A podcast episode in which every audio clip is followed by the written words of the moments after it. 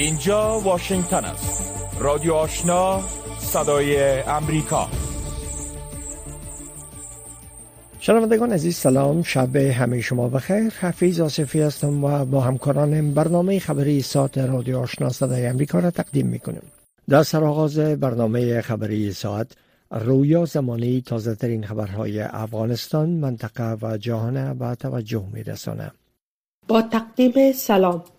وانگ وین بین سخنگوی وزارت خارجه چین می‌گوید که با در نظر داشته وضعیت امنیتی جاری در افغانستان.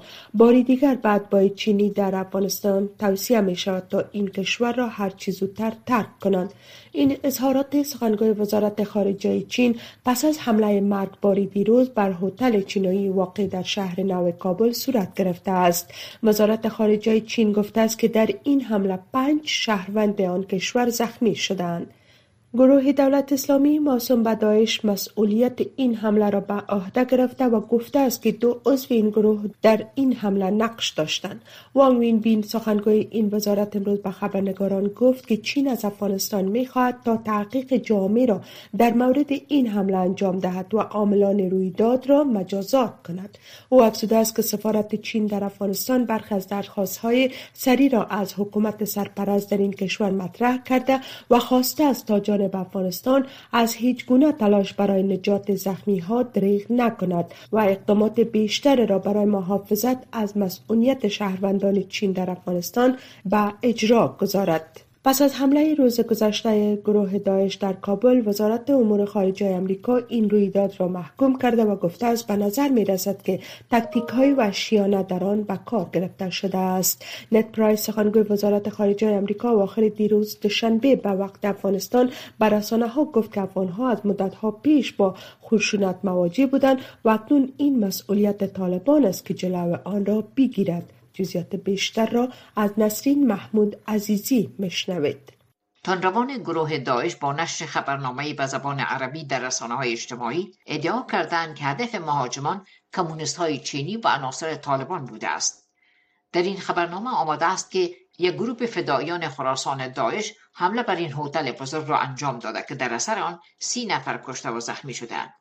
سخنگوی وزارت خارجه ایالات متحده گفته است که یکی از این وعده ها فراهم کردن جامعه آری از خشونت است و همین دلیل است که ما همه چیز را به دقت زیر نظر داریم و در کنار افغانهایی هستیم که از این نوع خشونت ها رنج می‌برند این حمله درست یک روز بعد از آن صورت گرفت که وان یو سفیر چین در کابل در دیدار با شیر محمد عباس استانکزی موین سیاسی وزارت خارجه حکومت طالبان از مقامات آن گروه خواست که برای تأمین امنیت نمایندگی سیاسی چین در افغانستان تلاش کنند. همزمان با تشدید بحران بشری در افغانستان سازمان ملل متحد از وضعیت ناگوار اقتصادی زنان و دختران در این کشور ابراز نگرانی کرده و گفته است که در حال حاضر کم از کم 6 میلیون نفر در افغانستان در یک قدمی قحطی قرار دارند. جزئیات بیشتر را از فوزی احسان مشنوید این اداره ملل متحد افزوده است 6 میلیون نفر در افغانستان یک قدم با قحطی فاصله دارند. بحران های این چونینی همراه با محدودیت های شدید بر حقوق اولیه به منای این است که زنان و دختران افغان بیشتر از همه عقب ماندند. به گفته این اداره ملل متحد زنان و دختران در افغانستان کمتر به خدمات اساسی دسترسی دارند و همچنان آنان با موانع سفر بدون محرم و کار در بیرون از خانه مواجه هستند. اداره ملل متحد برای برابری جنسیتی و توانمندسازی زنان در افغانستان همچنان گفته است که زنان بیشتر آوارگان داخلی در این کشور را تشکیل می دهند. فیلیپ گراندی کمشنر عالی سازمان ملل متحد در امور پناهجویان یا UNHCR می‌گوید که در حال حاضر افغانها بزرگترین رقم مهاجرین پناهجویان و بیجا شدگان داخلی در سطح جهان را تشکیل می دهند. آقای گراندی در نشست زیر نام افغانستان یافتن راه برای پیشرفت که از سوی مجمع جایزه صلح نوبل در اسلو پایتخت نروژ برگزار شده بود. در مورد وضعیت موجود مهاجرین پناهجویان و بیجا شدگان داخلی افغان تصریح کرده گفت که امروز به طور مجموعی 6.5 میلیون افغان یا به حیث مهاجر و پناهجو و یا هم آواره داخلی به سر می‌برند. این مقام ارشد کمیشنری عالی سازمان ملل متحد در امور پناهجویان افزود که از جمله 130 میلیون انسانی که امروز در جهان مجبور به ترک خانه هایشان می شوند شهروندان افغان بزرگترین رقم مهاجرین و پناهجویان در جهان را تشکیل می دهند رقمی که به گفته گراندی پس از جنگ جهانی دوم بی سابقه بوده است. هیلاری کلینتون وزیر خارجه پیشینی ایالات متحده در مقایسه محمد اشرف غنی رئیس جمهور پیشین افغانستان و ولادیمیر زلنسکی رئیس جمهور اوکراین با الفاظ سرزنش کننده از غنی و با کلمات تمجیدآمیز از زلنسکی یاد کرده کلینتون در نشست زیر نام افغانستان یافتن راه برای پیشرفت که از سوی مجمع جایزه صلح نوبل در اسلو برگزار شده بود وضعیت موجود در افغانستان را به بحث گرفته و در جریان این صحبت غنی و زلنسکی را با هم مقایسه کرد. خانم کلینتون گفته است که به تفاوت نگاه کنید که اشرف به خاطر جانش فرار می کند و با خود پول را می برد و زلینسکی می گوید که من نمی روم مهمات ارسال کنید. او می گوید که حکومت محمد اشرف برای هیچ چیزی نجنگید برای هیچ کسی و یا هم هدفی پس از مسلط شدن مجدد طالبان بر افغانستان و خروج غنی از آن کشور گزارش ها نشر شد که گویا غنی با 169 میلیون دلار از افغانستان فرار کرده است اما سرمفتش ویژه ایالات متحده در امور بازسازی افغانستان سیگار در آگوست 2022 با نشر گزارشی گفت که انتقال این مقدار پول با هلیکوپترهای حامل آقای غنی و همراهانش غیر محتمل به نظر می رسد. خانم کلینتون از توافقنامه دوحه که سرآغاز فصل جدید رویدادها در افغانستان است به عنوان یک توافق بدی یاد کرده است. ریچارد بنت گزارشگر ویژه سازمان ملل متحد برای بررسی وضعیت حقوق بشر افغانستان در مورد ادامه بازداشت همکاران ظریف و یعقوبی فعال حقوق زنان افغان ابراز نگرانی کرد آقای بنت ضمن استقبال از رهایی ظریف یعقوبی از بند طالبان گفت که همکاران خانم یعقوبی و سایر فعالان باید هرچی عاجلتر از بند طالبان رها شوند دفتر هیئت معاونت ملل متحد در کابل یا یونما با استقبال از رهایی ظریف یعقوبی از طالبان برای فعالان دیگری که در توقیف به سر می‌برند نیز خواستار معلومات شده است. یونما دیروز دوشنبه در حساب تویتر اعلامیه ای را درباره رهایی ظریف یعقوبی نشر کرده است. همزمان با انتقادهای باشندگان کابل از افزایش های برق شرکت برق رسانی افغانستان می‌گوید که برق وارداتی ازبکستان به این کشور قطع است و تاکنون مشکلات تکنیکی آن حل نشده است.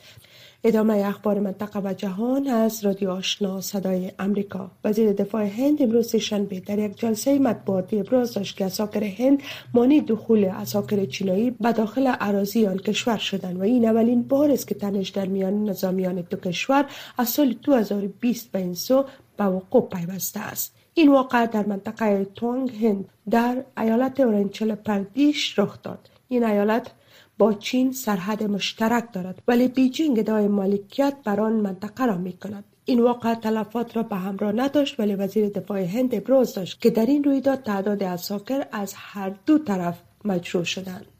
حکومت ایران چندین نفر و نهاد مستقر در اروپا جمله رادیو فردا را تحریم کرد. این افراد به ایران ممنوع دخول شدند و دارایی های آنها و این نهادها در ایران ضبط می شود جیمی فلای رئیس رادیو اروپای آزاد رادیو آزادی که رادیو فردا یک بخش آن است در واکنش به این اقدام حکومت ایران را مخدوش کردن بیهوده حقیقت عنوان کرد. و افزود که واقعیت روزانه این است که رژیم ایران مردان زنان و کودکان را که برای آینده بهتر اعتراض می‌کنند می‌کشد آقای فلایی گفت که رژیم ایران قربانیان را مقصر وانمود می سازد و خانواده های آنان را مورد آزار و اذیت قرار می دهد. رادیو فردا یک از پر شنونده ترین رادیوها در ایران است.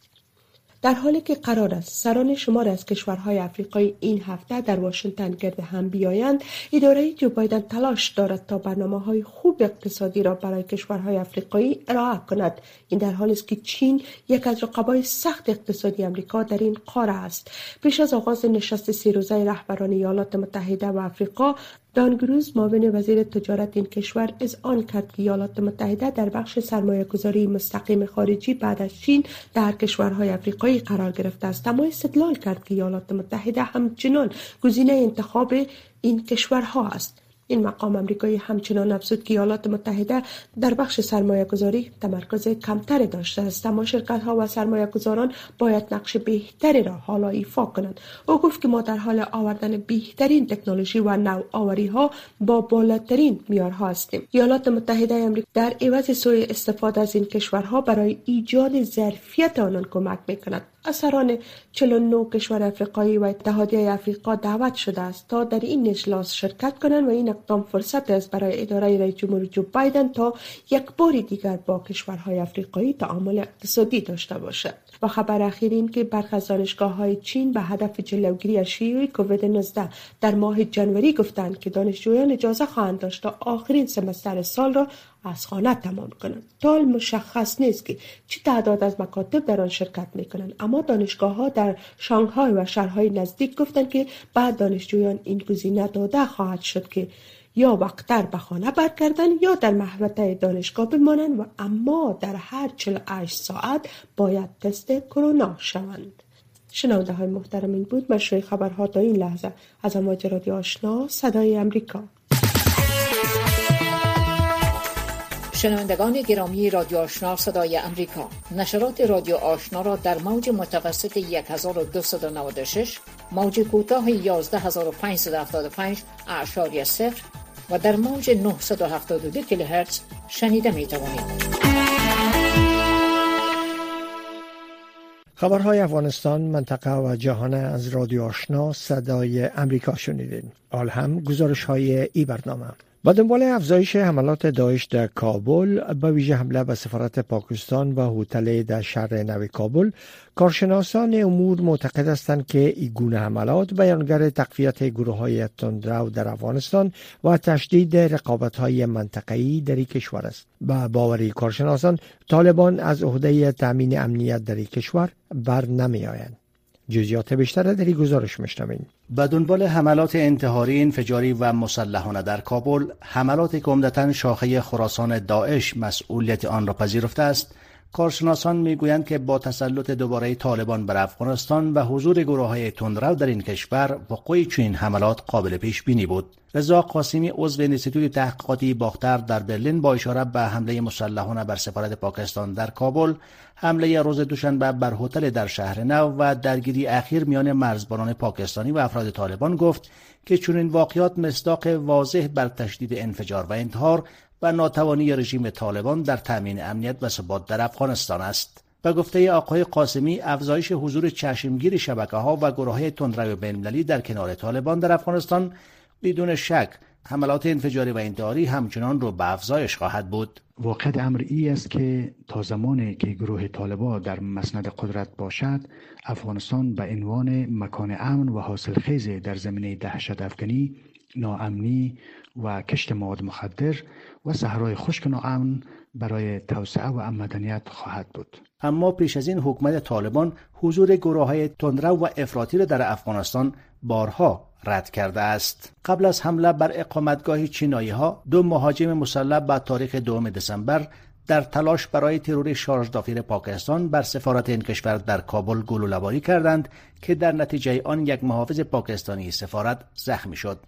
در ماه سپتامبر سال روان میلادی نیز گروه داعش مسئولیت یک حمله در نزدیکی سفارت روسیه در کابل را بر عهده گرفت که در آن شش تن به شمول دو دیپلمات روسی کشته شدند امین صداقت تحلیلگر سیاسی گفت که طالبان تامین امنیت را طی کمتر از دو سال گذشته بزرگترین دستاوردشان قلمداد می کردند. اما حملات خونین در چند ماه اخیر نشان داد که حکومت این گروه همانند حکومت‌های پیشین در تامین امنیت عاجز مانده است. برای طالبان هم عرصه تقریبا داره تنگ می شود چون یگانه مسئله را که اینها مطرح می‌کرد تامین امنیت بود. وقتی این هم که در اینجا هم دست اینها رو شود و کوتاه از امنیت شود مردم افغانستان و جامعه جهانی نگاه دیگری را با طالبان خواهد داشت. در همین حال اسدالله ندیم کارشناس نظامی به این عقیده است که حمله بر اماکن دیپلماتیک و خارجی نشین بیانگر این است که رقبای این کشورها از رهگذر استخباراتی در افغانستان فعال هستند و توانایی بعض فعالیتها از جمله حمله بر رقبایشان را دارند.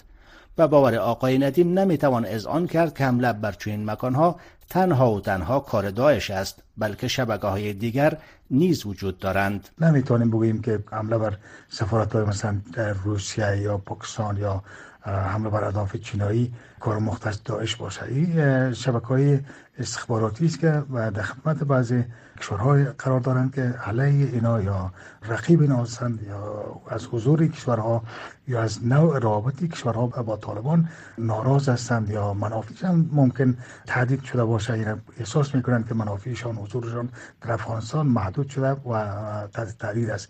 بنابراین وارد فعالیت میشن. آقای ندیم افزود که برای مهار تداوم چنین حملات باید راهکارهای سیاسی در افغانستان سنجیده شود و حکومت طالبان یا نظام احتمالی دیگر در آینده باید در گام نخست منافع افغانستان را مد نظر داشته باشد و در گام بعدی توازن را در منافع سایر کشورهای منطقه و جهان حفظ کند. این کارشناس نظامی تاکید کرد که در صورت عدم توازن روابط با کشورها و برقراری روابط یک جانبه با کشورهایی که قبلا با افغانستان رابطه داشتند و بنا به دلایل اکنون این رابطه کاهش یافته در آن صورت تضاد منافع میان کشورهای رقیب شکل خواهد گرفت و در چنین حالتی این کشورها می توانند با استفاده از شبکه های تندرو وارد عمل شوند. اما آقای ندیم مشخص از کشور نام نبرد. با این حال حکومت طالبان بارها گفته است که از خاک افغانستان علیه هیچ کشور استفاده نخواهد شد و به کسی اجازه نیز نخواهد داد که افغانستان را پناهگاه امن خیش قرار دهد. شنوندگان گرامی رادیو آشنا صدای امریکا نشرات رادیو آشنا را در موج متوسط 1296 موج کوتاه 11575 اشاری سفر و در موج 972 کیلوهرتز شنیده می توانید. شاخه خراسان گروه دولت اسلامی یا داعش روز دوشنبه 12 ماه دسامبر مسئولیت حمله مرگبار بر یک هتل در کابل بر عهده گرفته که در اثر او سه تن کشته و بیش از 18 تن دیگر زخمی شدند. این گروه ادعا کرده که هدف مهاجمان کمونیست های چینایی و عناصر طالبان بوده. در رابطه با افزایش حملات داعش در افغانستان نسرین محمود عزیزی مصاحبه با خلیل پارسا آگاه مسائل سیاسی انجام داده که با هم میشنویم. طوری که دیده میشه در کمتر از یک ماه گروه موسوم به داعش چند حمله را در شهر کابل انجام داده. آیا داعش در حال شکلگیری و انسجام بیشتر در افغانستان است؟ طبعا که نگرانی هایی که جامعه جهانی پس از سقوط حکومت جمهوریت در افغانستان و حاکمیت طالبا همواره مطرح می‌کردن حضور و گسترش جریان های افراطی و تروریستی در افغانستان بده که از جمله داعش از جمله برجسته ترین گروه های دهشت افکن در, در دنیاست که خب افغانستان یک بستر خوبی برای از مساعد شده و نگرانی همگی به اصطلاح با خود داشته. و امروز ما شاهد فعالیت های گسترده تر از اونها هستیم و این نگرانی بیش از حد نسبت برای افغانستان به عنوان یک کشوری که افغانستان امروز گروه های بیش از 20 گروه تروریستی رو در خود جای داده و زمینی فعالیت و رشد از اینا رو فراهم کرده ساخته قسمی که دیده میشه در اواخر داعش حملاتش زیادتر متوجه ادبا و نمایندگی های خارجی در افغانستان ساخته و نظر شما دلیل این چی است؟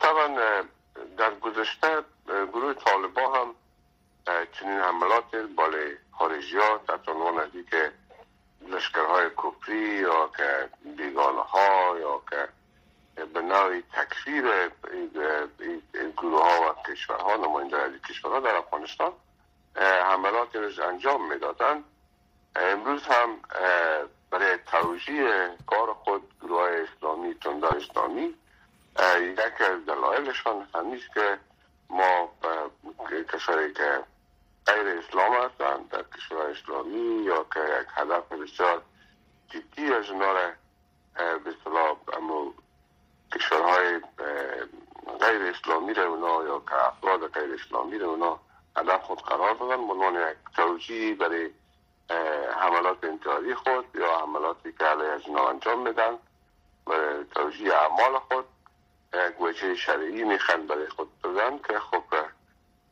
اگر این نام نباشه دیگه توجیه وجود نداره برای که اینا این حملات دهشت افغانانه خود در داخل افغانستان یا جای دیگه انجام بدن.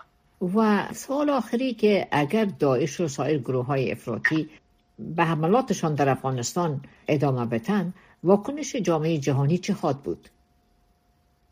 طبعا که در گذشتن جامعه جهانی واکنش خود داشته و نگرانی خود مطرح کرده از یک طرف گروه طالبان به دنبال ازی هستن که روابط خود با جهان خوب بسازن و حمایت بین المللی به دست بیارن ولی اگه این حملات گسترش پیدا بکنه و بسترها را ناامتر بسازه طبعا که این در راستای تحکیم روابط بسیار آسیب می‌زنه اونا و بیشتر فاصله ایجاد می‌کنه. و یک از تعهدات گروه طالبا در توافقنامه دوحه امرای ایالات متحده همین بوده که اینا مبارزه بسیار جدی داشته باشن و فرصت اجازه ندن که گروه های دهشت افکن در افغانستان دوباره فعال بشن و این تعهد به جا نمیشه و مطمئنا که محدودیت های اطراف جامعه جهانی بیشتر از بیش برای برای افغانستان خب متضرر اصلی از این محدودیت ها حتما مردم خواهند بود یعنی جامعه جهانی دوباره نیروهای خود به افغانستان خواهد فرستاد؟ یک از گزینا در یک مقطع احتمالا همی باشه. ولی کن بستگی داره به این تعهدات که طالبان نسبت برای توافقنامه دوحه داشتند و ظاهرا طالبان تا از این موضوع مبارزات خودم دارن شاید که در به زودی گپ اتفاق نیفته ولی خب شاید اینا از این طریق بتونن حمایت های نظامی وقتی کشورها را برای مبارزه با دشت افکنی با خود به دست بیارن. تشکر از وقت شما. رادیو آشنا صدای امریکا هفت روز هفته. خبر و گزارش ها و تحلیل های خبری روز. دفتر هیئت معاونت ملل متحد در کابل یا یونما با استقبال از رهایی ظریف یعقوبی از طالبان درباره فعالان دیگری که در توقیف به سر می‌برند هم خواستار معلومات شده ظریف یعقوبی در حال از بند طالبان راه شده که از سرنوشت چهار همکار مرد او و تعداد از زنان دیگری که در برابر محدودیت های وضع شده از جانب طالبان اعتراض کرده و زندانی شدن معلومات در دست نیست. بازداشت و سپس رهایی فعالان حقوق زنان از طرف طالبان به چی هدف صورت می‌گیره آیا بازداشت زنان نوع گروگانگیری در برابر جامعه جانی است؟ در این رابطه فوزی ایسان مصاحبه با بصیرت تاهیری یکی از زنان فعال مدافع حقوق زنان انجام داده که با هم میشنویم بانو تاهیری شما از های خانم یعقوبی آگاهی دارین اما همکارانشان و تعداد دیگری از خانم ها هنوز هم در بند است. و دلیل چی طالبا بعضی ها را رها می‌کنن بعضی ها را نمی‌کنن؟ یعنی به نظرتان این مسائل فشارهای داخلی قومی است که بعضی ها رها میشن یا مسئله جهانی است؟ و گزارش هایی که دوستا برای یک تیم که هستیم از رهایی ظریفه با ما شریک کردن ای که شورای اهل تشیع و اقوام خانم ظریفه و نزدیکان دوستان اینا همه از روزی که خانم ظریفه زندانی شده بوده توسط طالبا گفتگوهایی با طالبا داشتم رفتمات هایی که چه خانم ظریفه آزاد بشه. اما با آن هم زمانتی از طرف خود شورا و از طرف خود همه بزرگات به طالبا داده شد و تا ظریفه را آزاد کرده. این نقل قول از دوستا هست که برای ما شریک کرده. اما چرا؟ این که طالب می‌خواه در قسمت دستگیری خانم ها باجگیری داشته باشه؟ بله. این موارد به صورت آشکار و همه معلوم هست. ای به نحوه می‌تونم بگم یک ایدئولوژی شده برای طالب که همه روزه زنان معترض یکی پی دیگر زندانی می‌کنن نحوه می‌خواه که فشارهای وارد کنه هم صدای زنان رو خاموش کنه هم به نحوی سیاست خود در داخل افغانستان و بر ای که دیگر هیچ زنی صدا نکشه یا به نحوی بخوای امتیازگیری کنه از اینا و یوناما البته از این رهایی استقبال کرده و خواستار رهایی سایر همکارای ظریف یعقوبی شده. به نظر شما یوناما چی کار کرده می‌تونه در این قسمت؟ من با تاسف بگم که ما زنا و این پیام خود به کل زنا هم میگم من هیچ وقت با یونما باور نکنم. و من شخص خودم که از جمله زنان مبارز بودم و همیشه دادخواهی به خاطر زنا داشتم دیگه باور من به یونما نیست. و به این دلیل میگم که هیچ موضوعی هیچ مشکلی از طرف خانم ها به صورت عملی توسط یونما حل نشده. ما همیشه فقط پیام های صوف و محکوم نمودن به این موارد اکتفا کرده. من نمی‌تونم بگم که نقش نداشته و من به نحوی ببخشم با عرض معذرتی گفت میگم. من یونیما رو هم دست با طالب می‌دانم و این موضوع رو مطرح می‌کنم به پوزیش می‌خوام. چون این حرفیست ای خود همو کارکردها و عملکردهای خود یونما است که ما خانم ها به این باور رسیدیم دلیل از که شما از محصولات بین المللی چون یوناما نامید شدین چی است؟ ما و شما همه در جریان هستیم و اعتراضاتی که از ابتدای سقوط افغانستان تا فعلا زنها داشتم و موضوعی که عملی آماده باشم اقدام عملی که مؤسسات خارجی به خصوص مدافعان حقوق بشر به خاطر زنها داشته باشم ما ندیدیم. همه به نحوی چشم خود بسته کردم. به نحوی انگار نه انگار که جنایات در داخل افغانستان دیده بشه. همه. پس این موضوعات باعث میشه که زنها همه ناامید بشم از طرف مؤسسات خارجی.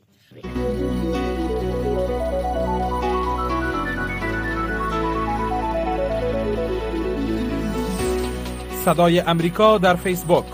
facebook.com slash voa دری.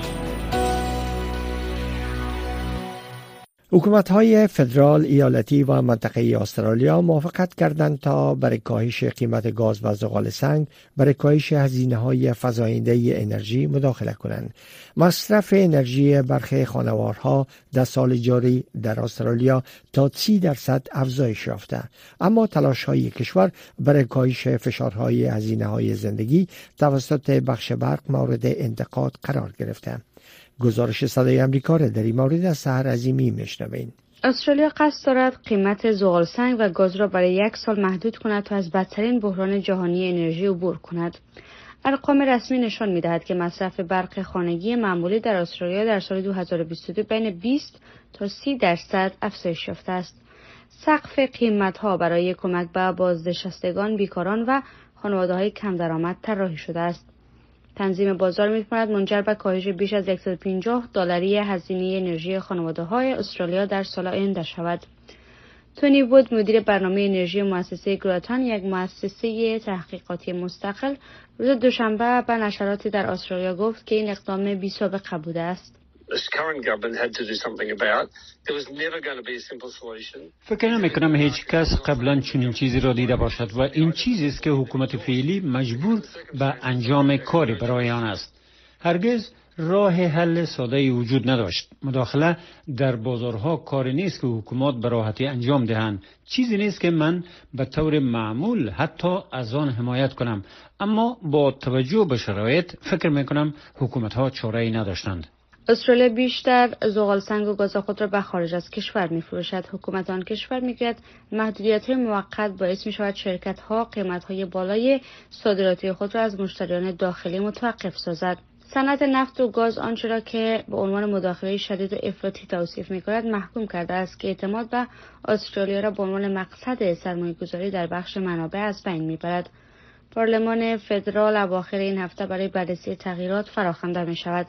در حالی که اقدامات آن برای بسیاری از استرالیایی ها آسیب پذیر تسکین مییابد آنها را از افزایش پرداخت های انرژی جلوگیری نمی کند فشارهای هزینه زندگی شدید بوده است و امسال استرالیا بالاترین تورم را در دو دهه اخیر ثبت کرده است.